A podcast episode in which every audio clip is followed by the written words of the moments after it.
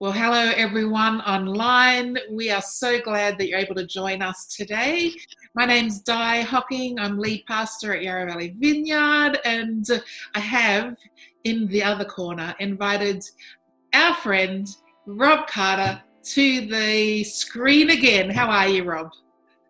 Thank you, Di. I'm well, and I'm starting to get familiar with doing this uh, with you like this. Uh, two bookends in playing a breakfast show or something. Is that what it is? That's right. We're the anchors for the new series. That's, That's right. yeah, yeah. Yeah. So, Rob, we're okay. in, in, the middle of the Psalm series. Lead us on. What we are. We, we, are, and uh, I'm. I've just been loving it. And look for any who might be just joining us for the first time, or you've only managed to look in occasionally. Let me remind you, um, our intent here it is to really let the Psalms speak. That's what, what it's been entitled.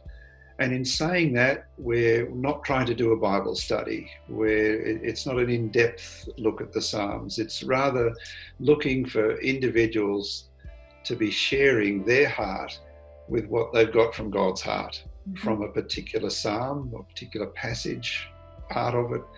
And uh, we just think this is a, a, great thing to be doing, letting the, the book of Psalms um, be a theme that we, we run with and, and just we've just been enjoying uh, the Psalms because they cover so much of the variety of life.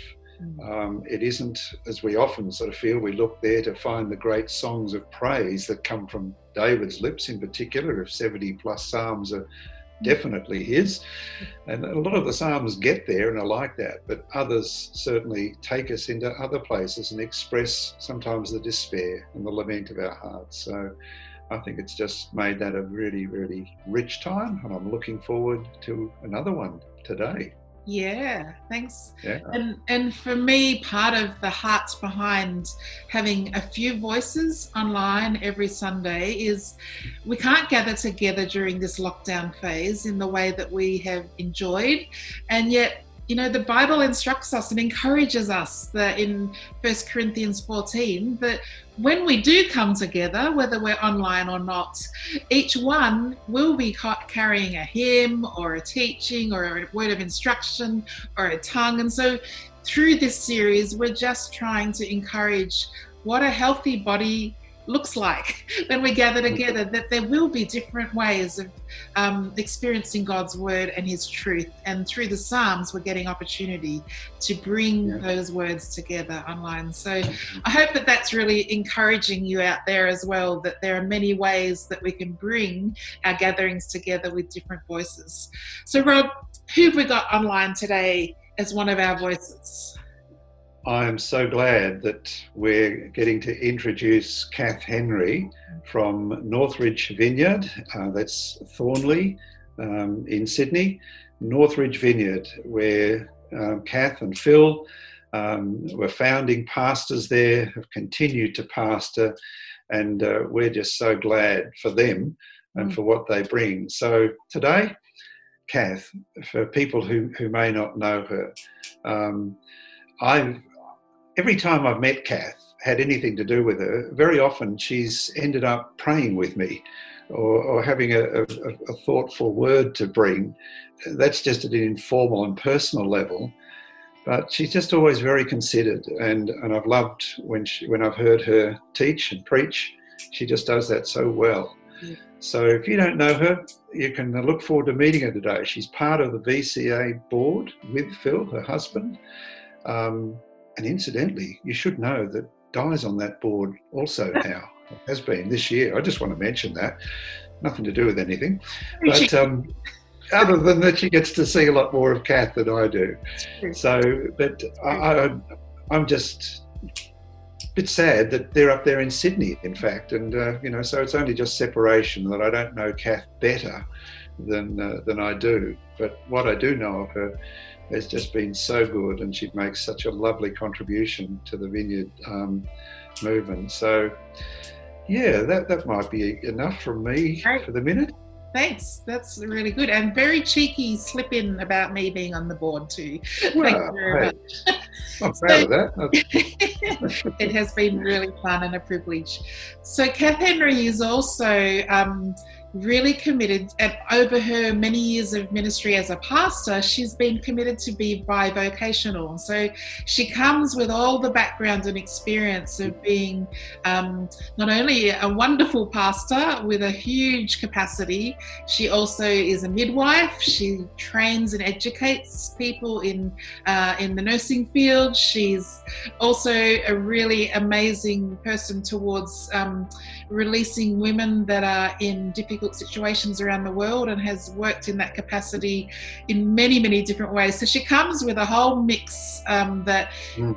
When you see her on screen, you would not know that. And one of the things that um, I love about Kath is that she's just so passionate about life. And there's one one particular quote that she lives by, and she lives it by being an adventurer and a pioneer. And she and her husband have built and into one community for two and a half decades. And now that community of church at Thornleigh mm. in Sydney, they are now becoming three three new plants out of the one.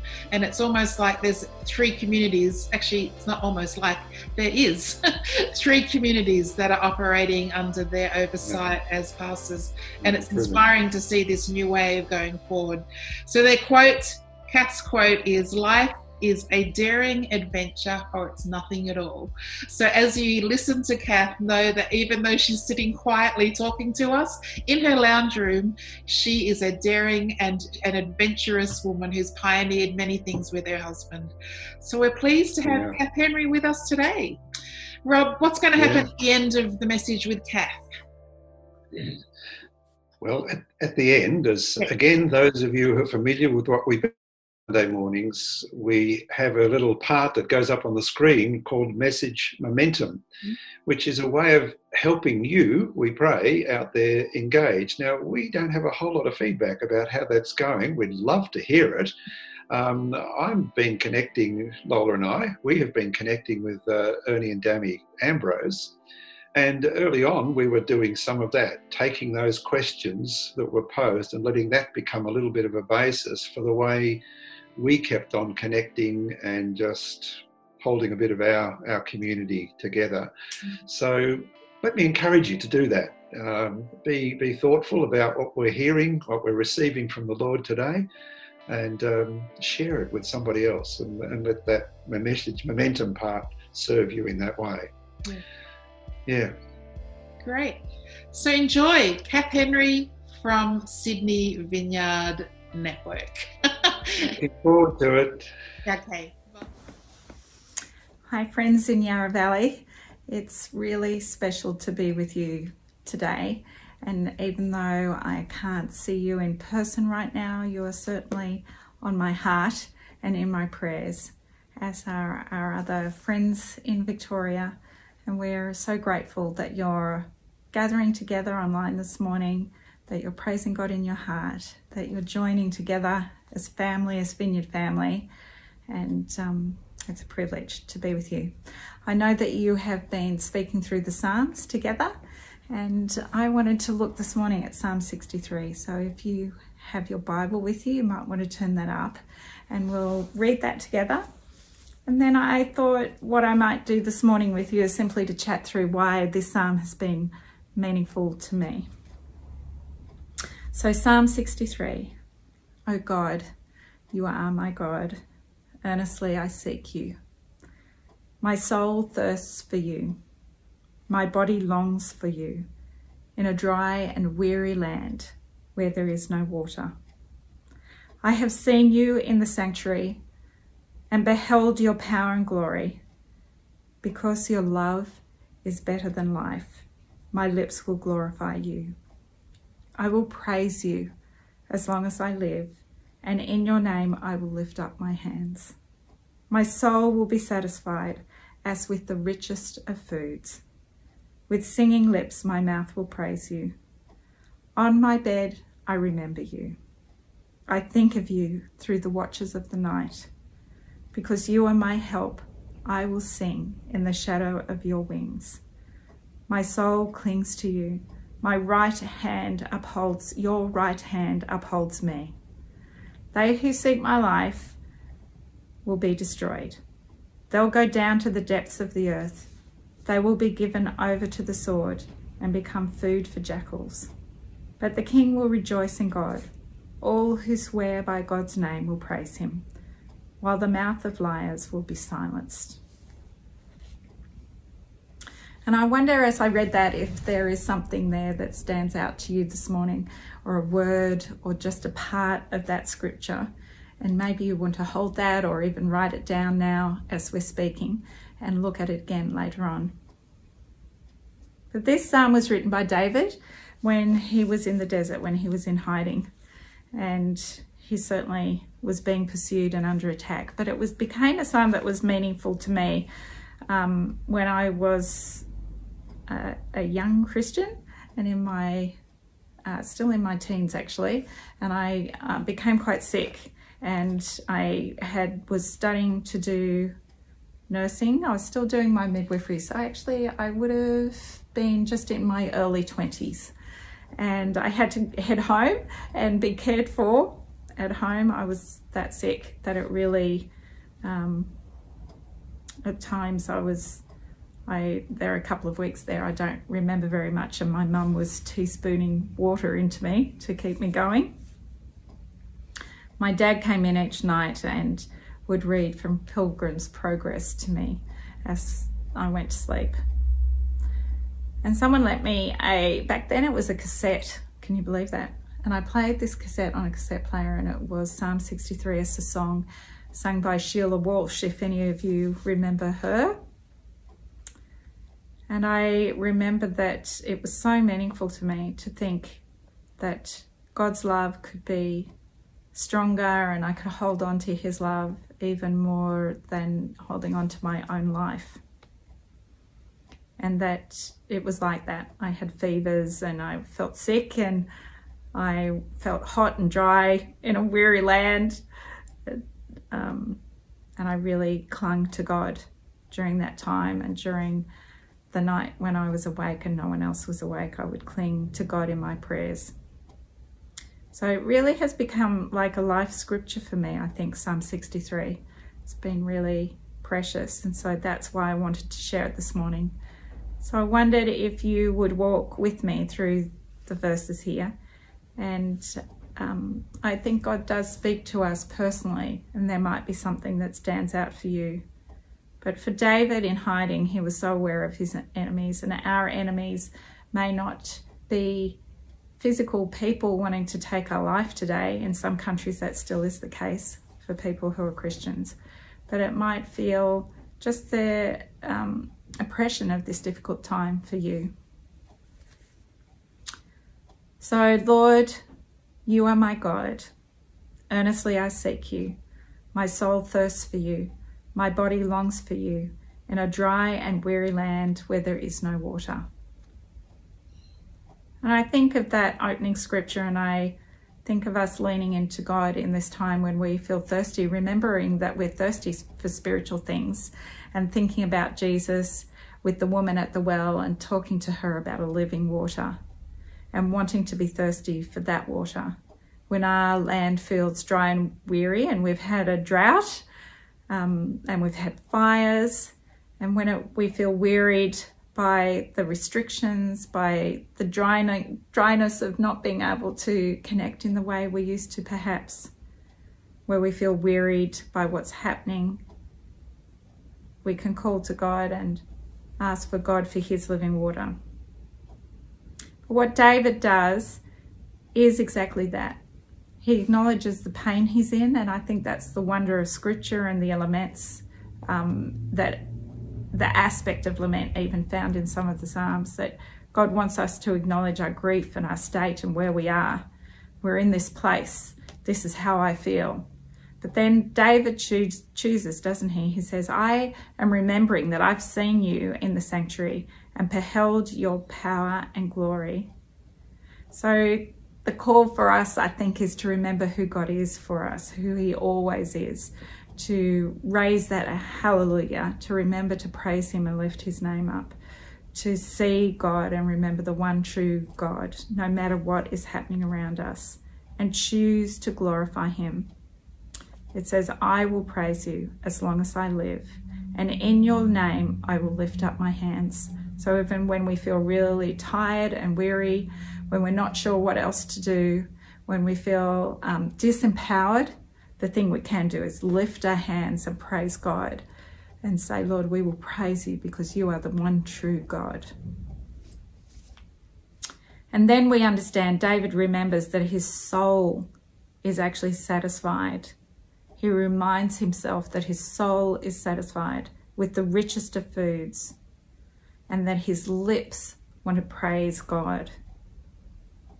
So, the rich food of our soul is Jesus Christ and what he gives us, that we're never alone, that we have all the wonders of heaven available to us now through Jesus Christ inaugurating the kingdom of God on earth through his death and resurrection. And those soul feeding gifts look like mercy and forgiveness and love. On my bed, I remember you. When you're awake at night time, it's the first thing that you remember God, or is it something else? I ask that it will be God that I remember when I'm awake at night. I think of you through the watches of the night. And there were times during the night that people would stop and pray at different points. And even some of the older faith traditions still do that through the night. And you might be aware of that. But to think when you wake at night that this is a watch of the night, in a sense, to hold vigil with God. And it's sometimes we're called to hold vigil for other people, which is a type of a praying through the dark hours with someone or even as someone is grieving or someone is um, leaving this earth. We're called to pray. That's what our thinking is, our remembering Jesus Christ, remembering God through the watches of the night. And then it says, Because you are my help, I will sing in the shadow of your wings. I think for me, that scripture is my life scripture. It kind of sits in my heart. And when I feel discouraged or low or in the darkest hours of my life, I have remembered that God is my help. That even though I can't see the help right now, I can trust that He will help me somehow. And I can sing in the shadow of God's wings. And I imagine um, just being tucked under a big eagle's wing. But actually, you may know this that when they spoke about the wings here, David was actually speaking about the prayer shawl that would cover and it has tassels on the end.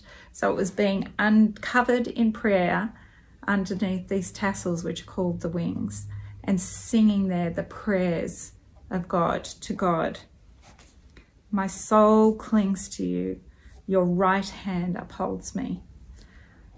And so when we're desperate, that's when our soul really clings to God, doesn't it? And when we are so reliant on His right hand upholding us. And if you feel that way today, then tell God, just tell God, I'm desperate for you, Lord. There's nowhere else to go. We need your help. Come and help us, Lord. We cling to you. And he acknowledges, David acknowledges that this is a life threatening situation that he's in that his life is under threat. But he knows that they those people will come to an end and God will have his way. And if he plans for David to be king, he will be king and he will continue to rejoice in God. And the mouths of liars will be shut. And I think we can really, it's a wonderful thing to think of David, this worshipping king, to think of how he was able to steady himself to remain calm in really difficult circumstances with the knowledge that no matter what happened, his aim was to be true to his calling, to be God's king on earth, and to trust that he would be able to praise God with the people again. And look, I think it is at the end of the day, we want to remember who we are in Christ and to acknowledge that we are co heirs with Jesus Christ, which means He has called us to share the good message of who He is and God's love with people, to be able to pray with people, to be like ambassadors for Him, a priesthood, that would care with concern, that we would carry other people in our hearts like the priests did. They had jewels on their ephod that was these gems of the 12 tribes over their heart. And it was to be symbolic of God longing to, to hold on to his people and that his people were remembered. And so I think that's a really important thing in this time to remind people that they're not forgotten, that even if we can't meet together, that you are remembered. You're remembered by the royal priesthood, by each other, by the ministers in churches, and um, and more importantly, by God, that He doesn't ever forget us. And then the other important part, of course, is let's not forget Him. And so, when wherever you are and in meals in your home, I'd be encouraging you to have communion together, to break bread, and to even if it's even if you're sitting alone, do it as if you're sitting with Jesus Christ and breaking bread and drinking that juice or that wine, remembering that Jesus Christ died for you and rose again, and that we have that same power from the Spirit that can be present in our homes, wherever we are within us, that there is a work of God that's happening even in this time that I think is even bigger and more purposeful than we can understand or acknowledge. So I think as I live with this scripture in my heart at this time and at different times in my life, it's become one of the life scriptures that I lean into. I'm encouraged to know again that hardships are not uncommon to God's people. And there is a way through them, and the way through them is to keep lifting our eyes up, remembering that God is God. And even if our world feels finite and small, He remains infinite and wonderful and able to do more than we can imagine or expect. So I wonder if, as you think through this scripture with me, if there is something else that stood out now as we've spoken. And I'd like to wait with you as you listen to God for what He wants to say to your heart and spirit this morning. And then I'd like to pray. So let me wait with you. Lord Jesus, I thank you for this time. I thank you that we can be present with each other in surprising ways, like this moment now. And even in this moment, my heart feels present with our extended family in Victoria and with the Yarra Valley friends. And so, Lord, I ask that your Holy Spirit would speak to our hearts now from this scripture. What part of this scripture is for my heart today, for my friend's heart today?